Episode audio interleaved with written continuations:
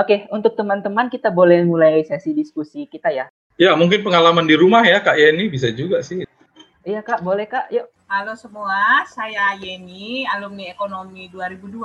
Saya kelahiran 84, eh, masih termasuk generasi milenial lah ya. Itu benar semua yang aku dengar ya bahkan ada jauh lagi hal-hal yang dan hal buruk ya hal buruk dan hal baik yang belum kita bicarakan di sini. Tetapi yang mau saya bagikan tentang hal pribadi ya dibilang Ferdinand tadi ya. Kalau saya benar ya generasi milenial yang tadi kita bicarakan itu benar. Saya termasuk di dalamnya ya. Tentang uh, semuanya yang serba uh, impatient atau tidak sabaran misalnya nih ya dampak yang bisa kita bicarakan sekarang itu misalnya sebagai ibu rumah tangga hidup ini tidak instan. Jadi mungkin adik-adik semua di sini lebih muda dari aku dan dampak teknologi kalian lebih kerasa daripada ke zaman aku gitu. Dampak terhadap pembentukan karakter kalian, kepribadian kalian gitu ya lebih kerasa sama kalian daripada ke aku. Kalau di zaman aku mainnya mungkin masih main karet. Kalian mungkin udah langsung gadget ya. Jadi ada perbedaan karakter di sini ya. Jadi kalau saya sendiri memang sedikit banyak saya juga termasuk orang yang senang dengan teknologi ya. Ditambah dengan kondisi keluarga, kondisi aku dibesarkan itu bukan keluarga yang baik ya. Dari keluarga yang diberi kebebasan sedemikian ya. Jadi kasih nonton, dikasih apa, sudah suka-suka di situ yang pasti jangan apain orang tua jangan tambah tambahin pikiran orang tua kira-kira begitulah saya dibesarkan ya jadi maksud saya aku dibesarkan sedikit banyak seperti yang uh, dibilang Pak Simon tadi, jadi tidak berkembang baik di bidang sosial gitu ya. Jadi kemampuan sosialku jelek gitu dan juga kemampuan ketekunan, kesabaran gitu ya. Karena biasanya ibu mempunyai peran mengajari anak-anaknya ketekunan, bagaimana bekerja keras, bagaimana mengerjakan pekerjaan-pekerjaan rumah. Ini enggak, saya dikasih kebebasan sedemikian ya teknologi memang mempermudah ya dan apalagi sekarang manusia makin banyak dibutuhkan teknologi untuk membuat semuanya terbantu tetapi semuanya juga tuh proses seperti itu. Nah, jadi kalau saya bersyukur menikah dengan seorang yang sudah mengenal Tuhan, saya didukung dalam banyak hal. Jadi yang mau saya sampaikan sih banyak kegiatan yang bisa dikerjakan sekarang, tetapi memilih pekerjaan mana yang enak, yang ngebangun hubungan dengan Tuhan, hubungan dengan teman-teman di sini gitu dan semua-semua di rumah terus mau ketemu langsung nggak bisa ya berharap dengan kegiatan seperti ini kita bisa eh, saling berbagi bagaimana mengenal Tuhan baik melalui teknologi dan yang lain itu sih harapanku dari sini. Oke, makasih ya Kak untuk sharingnya tadi dibukakan juga tentang dari sisi pandang seorang ibu gitu ya. Ternyata juga itu sangat berdampak, sangat berpengaruh sama ibu-ibu kayak gitu ya. Iya ya. Jadi memang ternyata memang di dunia kehidupan kita yang real gitu, nggak semua bisa diperoleh dengan instan. Jadi memang harus belajar untuk bersabar, belajar untuk memenuhi segala setiap proses yang terjadi dalam kehidupan kita gitu ya kak. Makasih ya kak ya. Nah itu tadi dari kak Yeni. Nah kalau teman-teman bagaimana? Mungkin dari kak Destri sebagai seorang guru gitu, di mana di zaman ini juga sedang dipaksa gitu ya, bukan hanya mau tidak mau lagi, tapi dipaksa untuk bisa berteknologi. Kalau nggak sekolah online ya? Iya. Gimana Kak Des? Kalau dari kakak pandang mungkin dari sisi seorang pendidik kayak gitu ya, seorang guru, dampak dari teknologi yang sekarang terjadi. Boleh Kak Destri? Oke, ya. Salam kenal. Oke, aku Destri, alumni MIPA 2008. Oke, aku seorang guru. Selain guru di sekolah, aku juga ngajar privat. Nah, jadi waktu ngajar privat itu kan, jadi ya ketemu dengan adik-adik. Nah, ketika kita mau belajar, dia akan bilang kayak gini, Miss, Miss, Miss, tunggu dulu ya, Miss. Ini, Miss, mau ini, ini harus aku selesaikan, harus selesaikan. Nggak bisa di pause dulu, Bang. Nggak bisa, Miss, nanti aku kalah. Kalau kalah, aku harus mulai dari awal. Dan itu nggak sekali dua kali. Setiap aku datang, pasti seperti itu, gitu. Ujung-ujungnya, apa ya? Pada akhirnya kami apa kami belajar kayak merasa sia ya aku pulang dari situ bukan ada nggak ya yang kuajarin sama dia itu atau aku hanya datang untuk ya udah aku menolong dia ngerjakan PR dia selesai PR-nya kumpul sama guru ya udah beres aku aku sampai pokoknya setiap aku pulang dari rumahnya pasti aku jadinya perenungan Tuhan aku sudah mengerjakan bagianku atau gimana gitu. Terus ketika jadinya waktu bagi di rapat ya itu tetap ya nggak begitu signifikan kayak gitu. Sedang bingung untuk menolong anak ini gitu. Karena sebenarnya dia muridku waktu dia kelas 2 SD kelas 2 SD itu sekitar empat tahun lalu. Ya mungkin orang tuanya cukup percaya sama aku jadinya dipanggil jadi guru privatnya. Karena sekarang nggak wali kelasnya lagi. Gitu tapi nggak begitu berbeda sekarang semakin parah karena kan home based learning ngomongnya itu berbau teknologi gitu. Dan itu enggak cuman dia aku punya dua anak privat satu lagi juga kayak gitu dan ini perempuan juga. Jadi dampak negatif yang untuk anak-anak ini baik laki-laki atau perempuan itu tidak ada bedanya maunya kena lah gitu. Jadi aku jadinya ya doakanlah supaya aku pun boleh bijaksana kayak mana caranya? Menyentuh hati anak ini. Kadang-kadang setelah aku jadinya bercerita kayak rupanya game itu? Bla bla bla kalau udah itu semangat kali dia. Tapi giliran kita bilang karena kita belajar math ya bang. Hmm, apa lah apa bukanya udah entah ke mana-mana. Pokoknya ya itulah. Yang sekarang memang juga ya aku setuju dengan tadi yang diberikan kakak. Ya tantangan. Kurasa sebenarnya aku udah mau dipukulnya ya di situ. Karena mungkin aku masih dihormatinya aku jadi guru. Kalau enggak aku rasa udah mau dipukul ya kawan ini datang-datang hanya untuk ganggu aku main game. Itu sih kalau dampaknya sama anak-anak kalau untuk pengajar sebenarnya ya teknologi sangat berguna. Jadi mempermudah guru di dalam membuat bahan ajar. Tapi itu lagi permasalahannya.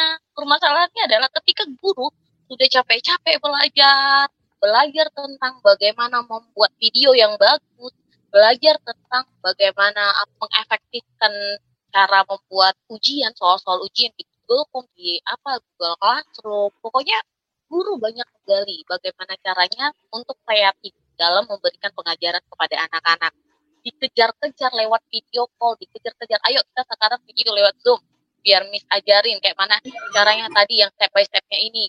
Akan tetapi, celah sedihnya adalah anak-anak gak ini juga, gak serius gitu. Jadi waktu kita kasih bahan ajar di apa ini sekarang waktunya math gitu jadi kita kasih video videonya ini durasi 5 menit Terus ada soal, dia sudah kumpul aja. Di menit wow. ketiga dia sudah kumpul. Jadi tanya, kamu kamu tonton tadi videonya? Tonton Miss, katanya kayak gitu. Ya, videonya itu lima menit loh bang. Kamu ini baru tiga menit kamu sudah kumpul tugas. Dan benar bersalahan soal apanya, jawabannya. Jadi sebenarnya itu sangat ber bermanfaat. Guru-guru terbantu. Apalagi yang perlu kita bayar harga ya kita perlu belajar, kita perlu apa menghabiskan banyak waktu untuk belajar. Tapi itu tadi anak-anak yang waktu kita kasih ke anak-anak, mereka ini lebih senang itu game daripada sesuatu pelajaran itu. Jadi sangat bermanfaat, tetapi kadang itu tadi ada salah satu dampak negatifnya malah nah itu dan anak-anak tahu yang mana yang lebih menarik. Game jauh lebih menarik daripada video pembelajaran. Oke kak, Ya, jadi ada dua hal ya yang bisa kita tangkap dari yang disampaikan Kak Destri. Yang pertama, ini kita ngomong anak-anak ya, generasi-generasi kita selanjutnya loh ini kayak gitu. Dan dari kecil mereka sudah susah untuk memaknai apa yang mereka sedang kerjakan dan memandang yang mereka kerjakan itu penting nggak sih kayak gitu. Mereka justru lebih lebih tertarik dengan apa yang mereka inginkan gitu. Dan itu sangat pendek sih pemikirannya seperti itu teman-teman. Dan kalau itu tidak disegera diselesaikan, mau jadi apa untuk ke depannya nanti gitu. Dan juga tadi mengenai mereka juga pingin instan gitu. Uh, tonton sebentar aja udahlah kumpul aja PR yang penting selesai dan yang penting guruku nggak marah sama aku. Nah, jadi itu kan sudah hilang maknanya. Makna dari belajar yang sesungguhnya itu apa? Itu sudah hilang gitu.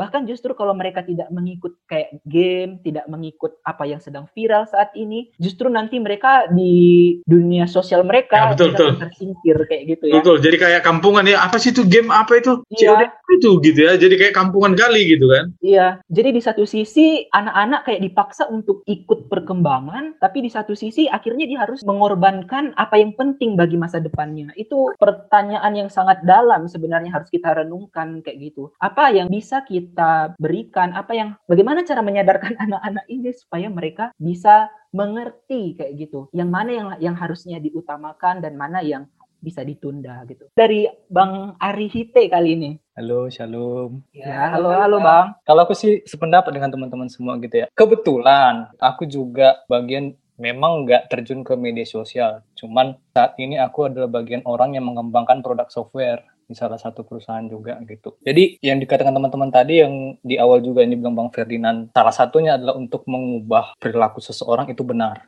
Nah, salah satunya adalah kami ada juga berfokus bagaimana cara supaya uh, orang ini tetap belanja produk kami gitu. Jadi memang benar data itu semua dikumpulkan gitu dan dianalisis gitu perilakunya bagaimana. Nanti akan direkomendasikan dengan AI tadi, artificial intelligence, untuk menawarkan produk yang kami punya yang sesuai dengan orang tersebut.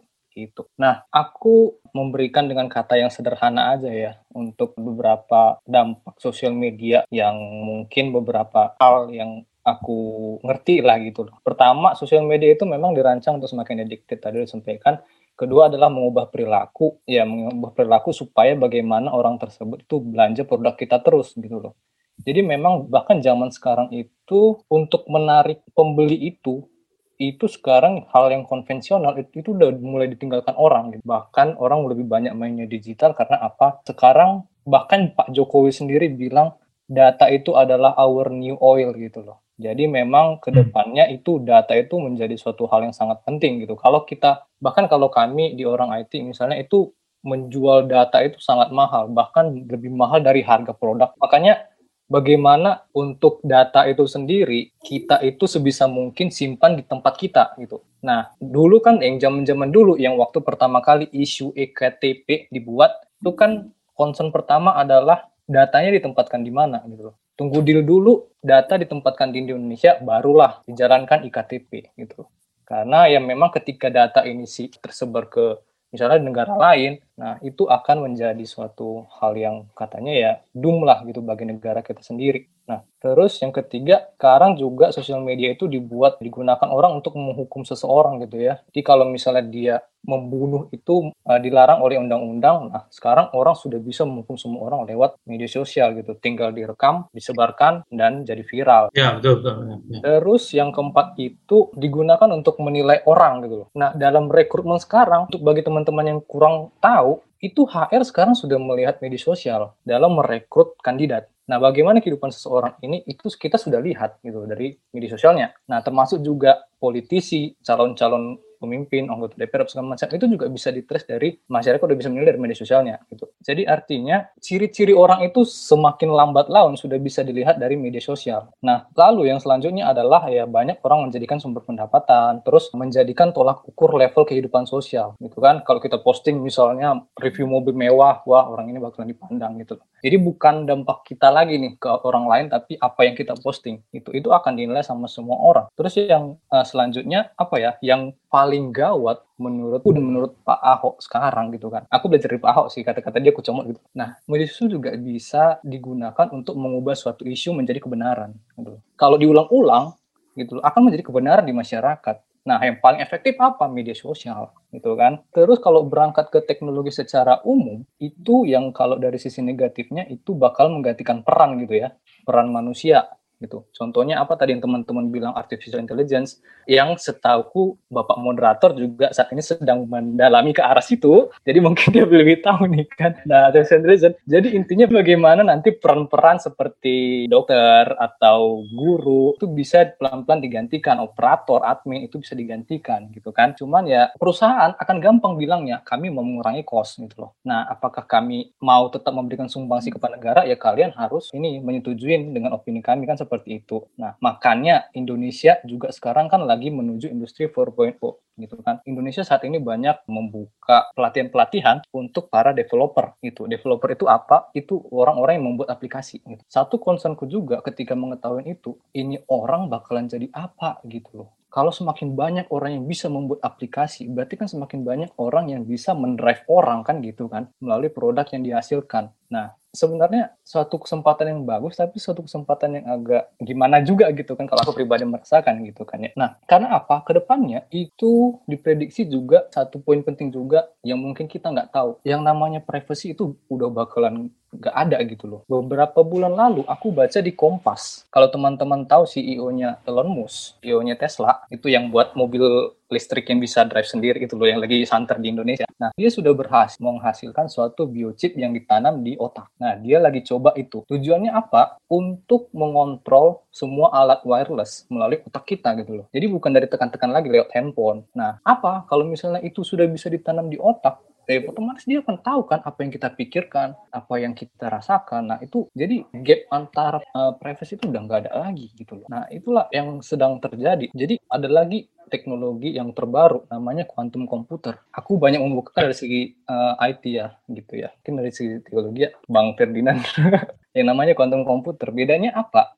Quantum computer ini bisa bekerja lebih cepat gitu loh dari komputer masa kini komputer masa kini aja udah sangat cepat gitu. Nah, tujuannya apa? Goalnya apa? E, awalnya dibangun untuk membantu kedokteran dalam menganalisis penyakit itu. Jadi apa ya, lambat tahun memang semuanya akan dikerjakan dengan komputer dan banyak peran yang akan tergantikan kalau kita tidak bisa beradaptasi. Nah, jadi aku secara pribadi bertanya gitu loh, gimana sih memang, mungkin nanti akan dibukakan di belakangan, gimana cara menyeimbangkannya gitu. Nah, ketika aku buat aplikasi untuk men katakanlah mendrive orang gitu kan. Nah, apa ya Tuhan gitu loh? Bagaimana ya caranya supaya ini tidak melanggar daripada batasan Tuhan gitu loh yang diberikan manusia dan sampai mana batasnya gitu loh. Ya, teknologi juga ada karena kita kan mempunyai Allah yang berakal budi kan. Jadi diturunkan manusia jadi ya makin berkembanglah teknologi gitu loh. Buat pertanyaannya sampai sejauh mana gitu loh akal budi yang Tuhan izinkan untuk manusia bisa kembangkan gitu. Nah, aku juga pengen nanya pendapat teman-teman kan udah tahu nih semua teknologi gitu loh. Ya, dengan mempertimbangkan sisi baik dan sisi buruknya, bagaimana prediksi teman-teman ke mengenai teknologi itu ke depannya gitu loh. Katakanlah 50-60 tahun ke depan. Apakah fokusnya ke pengagungan Tuhan atau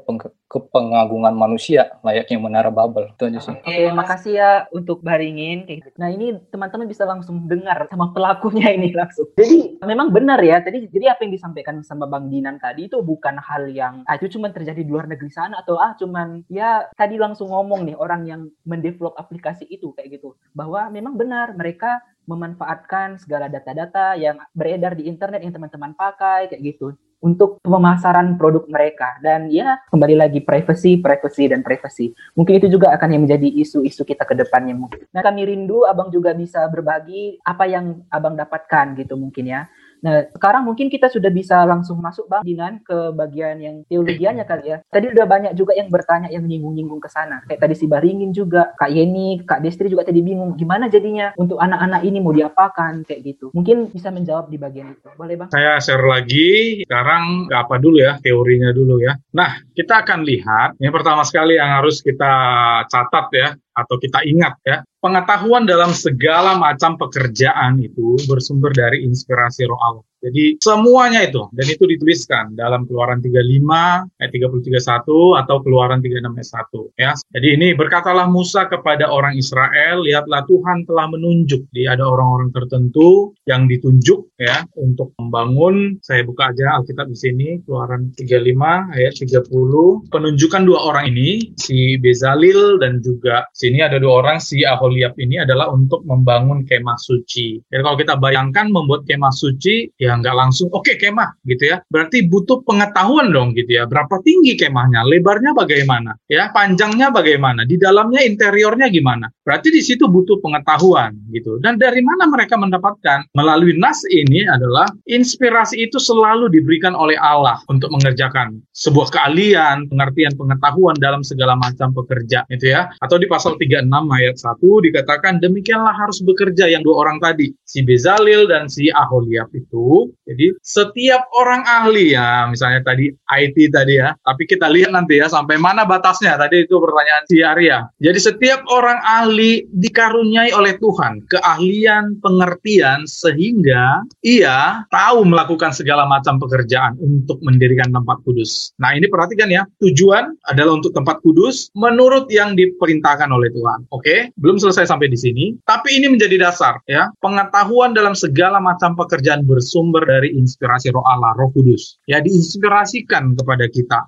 Karena tidak semua, kita tahu tidak semua teknologi jelek dong gitu ya. Bahkan ini kita pakai teknologi untuk sesuatu yang berguna kan. Kita adakan diskusi panel ini satu contoh yang besar misalnya. Atau e, ibadah online di tengah pandemi ya. Thank God, puji Tuhan ada teknologi sebelum pandemi sehingga banyak sekali yang diatasi dengan ibadah online gitu. Berarti teknologi menjadi sesuatu yang berguna dan bermanfaat. Nah, lanjut what the Bible reflects about technology ya. Uh, apa yang Alkitab refleksikan tentang teknologi. Ada dua kisah yang berdekatan sebenarnya ya. ya. Kalau kita misalnya lihat di kejadian tadi disinggung sedikit sama si Ari ya, masalah Babel gitu. Tapi pertama kita lihat dulu kejadian riwayat Nuh. Nah, ketika Nuh mungkin ada sekitar 5000 tahun ke belakang ini kejadiannya, cobalah kalian pikirkan. Masa si Nuh bisa buat bahtera gitu aja? Oke, aku gergaji, aku potong gitu. Bahtera yang besar. Nggak mungkin kalau tanpa pengetahuan. Ada basic knowledge. Dari mana? Diinspirasikan oleh Allah. Untuk apa? Nah, itu perhatikan ayat 22 ya. Jadi pengetahuan yang dia pakai itu merancang sebuah perahu besar atau bahtera tepat seperti yang diperintahkan Allah kepadanya. Jadi ada pengetahuan, ada teknologi dirancang digunakan sesuai dengan perintah Allah kepadanya. Satu poin besar. Tetapi ada hal yang lebih mendasar lagi kalau misalnya kita lihat di ayat 9. Perhatikan bahwa orang-orang yang dikaruniai eh, oleh Tuhan pengetahuan ini ya haruslah ini menjadi dasarnya. Kenapa? Karena kalau tidak di ayat 9 ini menjadi dasar, nantilah itulah yang akan menjadi terorisme. Misal salah satu contoh. Maka seseorang yang dikaruniai pengetahuan ini harus tidak bercela di antara orang sejamannya. Dalam arti dia harus bergaul dengan Allah. Misalnya saya seorang kimia ya, seorang kimiawan gitu ya. Apakah Bang Ferdinand bisa meracik bom? Bisa. Kenapa nggak bisa?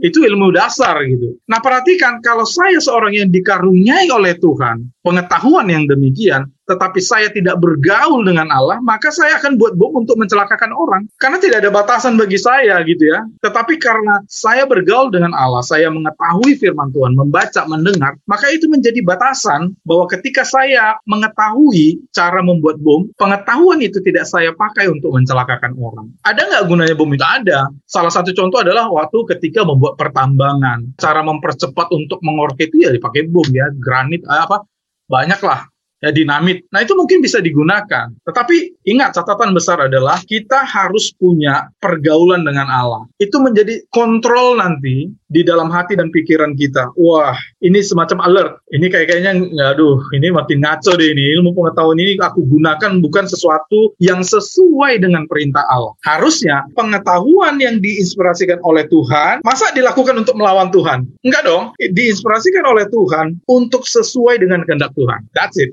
Berbeda halnya di kejadian 11, di kejadian 11 tentang menara Babel. Saya nggak salah ulang ceritanya ya dari sekolah minggu kita udah tahu. Gitu. Tapi saya highlight ya, saya garis bawahi di ayat 4 misalnya ya. Juga kata mereka, marilah kita dirikan bagi kita. Simpel sekali ya ini. Tapi ini menjadi pusat. Nah, ini kan salah satu problem dalam diskusi ini adalah ketika Allah tidak menjadi pusat ya. Dari ayat ini, manusia menjadi pusat. Bagi kita sebuah kota dengan sebuah menara yang puncaknya sampai ke langit. Ya whatever lah, WTC jatuh juga ya, nggak sampai ke langit juga itu gitu marilah kita cari nama. Perhatikan ya, yang menjadi fokus adalah kita, manusia. Nah, makanya katakan dikatakan itu ada sebuah kesombongan yang begitu hakiki ya, yang ingin menunjukkan uh, kita juga bisa buat sebuah pemerintahan di tengah dunia ini di luar dari Allah. Nah, ketika otomatis dong mereka pakai strategi juga dong ya, pakai pengetahuan juga dong membuat menara itu ya. Kalau di ayat selanjutnya misalnya di ini di ayat 3 ya, ayat sebelumnya, marilah kita membuat batu bata. Itu kan membuat batu bata itu pun perlu teknologi dong gitu ya. Ini dari tanah diapain? Dibakar dulu, ya suhunya berapa gitu ya itu didapat dari Allah. Tetapi dalam kasus menara Babel, mereka menggunakan pengetahuan itu tidak untuk perintah Allah. Emang siapa yang memerintahkan mereka membuat menara? Nggak ada. Tetapi bahtera itu tadi, siapa yang perintahkan? Jelaslah tuh, kan yang perintahkan Sinuh, buatlah bahtera ini. Karena ke depan akan terjadi seperti ini. Maka Sinuh pakai pengetahuan itu sesuai dengan perintah Allah. Bedanya di menara Babel, mereka pakai itu, nggak ada perintah Allah untuk mendirikan menara. Pertama, fokusnya menjadi manusia. Kedua, kedua dipakai bukan untuk memenuhi perintah atau kehendak Allah. Itu dua kutub. Lalu selanjutnya, ya dari situ bisa kita tarik poin-poinnya gitu ya. Hidup benar dan tak bercela ini penting sekali supaya kita punya standar. Karena kadang teknologi uh, membuat batasan yang kabur ya, abu-abu. Ya mana yang benar, mana yang salah. Oh kita nggak usah lagi lah persoalan mana benar dan mana salah gitu ya. Saya tahu sekali isu-isu itu gitu ya. Bahkan kita nggak usah bilang baik dan jahat lagi gitu ya. Itu tergantung kepada persepsi kita lah. Baik menurut siapa gitu kan katanya. Oh, benar menurut siapa gitu. Ya menurut Tuhan lah gitu. Menurut siapa nggak usah ditanya lagi gitu. Kalau menurut saya ya saya manusia gitu. Mungkin kemungkinan menurut saya yang benar itu akan selalu yang menguntungkan saya, yang membuat saya eh, nyaman, yang membuat saya lebih baik di mata orang. Ya itu menurut saya manusia yang berdosa gitu. Menurut siapa? Menurut Allah. Lalu hidup, bergaul dengan Allah. Ini HPDT ya kalau dalam istilah pelayan, anak pelayan HPDT. Gimana HPDT-nya D, Destri? Ya gitulah bang. itu ya kalau dulu ya. Terdengar seperti uh, apa sih HPDT HPDT ini? Itu nggak bisa disepelekan gitu ya. Kayak mana kita mengetahui mana yang terbaik bagi kita di tengah arus informasi ini rapid sekali gitu ya. Banyak sekali, cepat sekali informasi yang kita dengar. Salah satu efeknya nanti kita kelelahan sebenarnya. Kalau semua informasi kita, waduh gimana, itu menjadi kelelahan. Maka pergaulan dengan Allah itu akan memberikan semacam sinyal alert, ya Roh Kudus yang bekerja, yang akan memberikan kita arah dalam hati kita, mana yang benar, mana yang perlu, mana yang tidak perlu, ya mana yang prioritas, ya mana yang belakangan. Kemudian tadi ya jelas memakai teknologi sesuai perintah Allah. Apa itu perintah Allah? Ya jelas ya satu contoh konkret tadi membuat bom itu untuk membunuh orang perintah Allah atau bukan? Kalau salah kita menjawab ini nggak tahu lagi lah ya gitu ya. Udah jelas gitu ya. Apalagi contoh-contoh perintah Allah ya cari sendirilah ya nggak mungkin lagi kita jabari satu persatu. Nah dari kejadian 11 tadi itu adalah cari nama. Nah ini hati-hati tadi viralisme dan popularisme tadi kan salah satu fenomena itu adalah orang berlomba-lomba untuk menjadi populer, orang berlomba-lomba untuk menjadi viral. Apa sih motivasinya? Satu yang penting adalah ya pasti ada duit di baliknya kan gitu ya. Dua, tiga, empat, limanya apa sih sebenarnya yang dikejar? Apa yang kau cari dengan segala popularitas itu? Cari nama kah? Itu pas sekali kayak kalimatnya di sini ya. Mari kita cari nama, aduh mirip sekali. Apakah kita memang mencari popularitas? Saya pikir orang Kristen yang sungguh-sungguh belajar atau mendengarkan firman Tuhan dan belajar untuk melakukan firman Tuhan adalah bukan mencari popularitas, tapi mencari kemuliaan nama Tuhan. Kan gitu ya? Itu kan nggak berubah itu. Ya dong. Teman-teman bekerja juga mencari kemuliaan nama Tuhan kok gitu ya? Dengan segala pengetahuan berkat yang ada kalau kita bisa berbagi ya kita ber berbagi. Kita nyatakan bahwa itu adalah berkat Tuhan. Pada saatnya kita juga bisa berbagi Injil lalu menguasai dunia melalui hierarki organisasi seperti yang tadi Menara Babel juga gitu ya. Supaya mereka membuat suatu sistem pemerintahan yang terpusat oleh manusia dan untuk manusia. Tidak ada Allah di situ. Ini sistem yang harus hati-hati kita perhatikan terjadi di tengah dunia ini. Menguasai dunia melalui pernah dengar isu-isu gitu ya? Apa itu New World Order gitu ya? Ya benar atau tidaknya ya? Ini menjadi alarm bagi kita ya. Ketika ada usaha manusia untuk membuat suatu sistem yang terpusat tidak ada Allah di dalamnya dan baca ulang lagi menara Babel. Lanjut, berpusat pada manusia bukan Allah. Sudah jelas, saya nggak perlu ulang lagi. Selanjutnya, saya perlu menambahkan dari Efesus 5 ayat 15 sampai 17. Karena itu perhatikan dengan seksama. Di sebelah kanan saya tunjukkan itu sebenarnya itu dari ayat itu ya. Perhatikan seksama. Kenapa itu menjadi garis eh, yang perlu saya garis bawahi? Karena banyaknya arus informasi ini terkadang membuat kita tidak memperhatikan secara seksama itu harus berhati-hati hati maksudnya. Hati-hati, perlahan dan mendalam. Sementara tadi kan nah, ngapain pelan-pelan harus bisa cepat, cepat, cepat, cepat gitu. Perhatikan dengan seksama. Raffi Zakarias pernah saya tonton videonya dia bilang bahaya kita selalu disajikan secara visual ya, visual, visual, visual, visual. Dan pada akhirnya visual itu tidak melalui apa tidak melewati uh, filter di dalam pikiran kita. Tanpa filter itu langsung kita resap. Itu berbahaya sekali. Jadi apa yang kita terima baik dari tontonan kah ya, dari, berita kah, kita harus ada filter, harus ada filter. Oh jangan dulu, benar nggak ini gitu? Ini informasinya dari, terpercaya atau tidak? Lalu motivasi dari berita ini, dari film ini apa? Gitu ya, ada cross check. Memang akan menjadi lebih membutuhkan tenaga dan lebih sulit ya, tetapi itu jauh lebih baik daripada kita hanya telan bulat-bulat. Bagaimana, perhatikan dengan sesama bagaimana kamu hidup ya, jangan bebal. Ini problem ini, jangan bebal ini. Karena orang bebal biasanya nggak ngaku dia bebal. Jadi ini sulit sekali gitu ya bebal itu kan berapa kali dibilangi nggak ngeh juga gitu ya. Bebal gitu. Hati-hati gitu. Nggak mau hati-hati. Kau udah candu ini. Bertiktok misalnya. Sorry. Maksudnya banyak banyak contoh ya. Enggak aku nggak candu. Cuman ikut-ikut aja. Kalau ikut-ikut aja apa maknanya? Nggak perlu cari makna. Biasanya kalau kita tanya gitu ya apa maknanya? Nggak perlu cari makna ya enjoy aja gitu ya. Nanti uh, langsung aja ya daripada aku lupa ya. Perhatikan teman-teman, ketika kehidupan kita dibawa satu arah yang menyampingkan makna, perhatikan ya, ketika suatu peradaban kita diarahkan untuk mengesampingkan makna, maka yang terjadi manusia akan mer semakin merasa kesepian. Manusia akan semakin merasa kekosongan. Perhatikan itu. Karena apa? Karena manusia dicipta ya manusia yang mencari makna, makna hidup. Kalau itu kita kesampingkan, siapa pun orangnya, saya ada survei juga pelan-pelan. Kebanyakan orang uh, sedikit-sedikit bosan, sedikit-sedikit bosan. Padahal kalau dipikir-pikir ada banyak hal yang bisa dilakukan untuk mencari sesuatu yang bermakna gitu ya. Dia bosan. Padahal ada banyak informasi, ada banyak teknologi yang bisa dimanfaatkan secara positif. Akhirnya yang nggak ada makna, kalau tidak ada makna maka dia menjadi kosong dan sepi. Kalau saya atau ya kita semua lah ya, jangan saya aja. Kalau kita menemukan makna hidup kita di dalam Yesus Kristus, sama seperti Paulus, dia doktor ya secara filosofi, secara ajaran agama gitu ya, nggak berlaku itu. Setelah ketemu Tuhan Yesus, baru dia punya makna hidupnya. Pengetahuan kita teman-teman nggak ada maknanya itu kalau tanpa Kristus. Di sana kita menemukan makna yang sejati. Ya kalau ketawa-ketawa dan lain sebagainya itu ya bonus-bonus kecil lah itu ya. Tidak sesuatu yang membawa kita kepada kepuasan secara batin. Lalu arif, arif tasoid atau apa ya?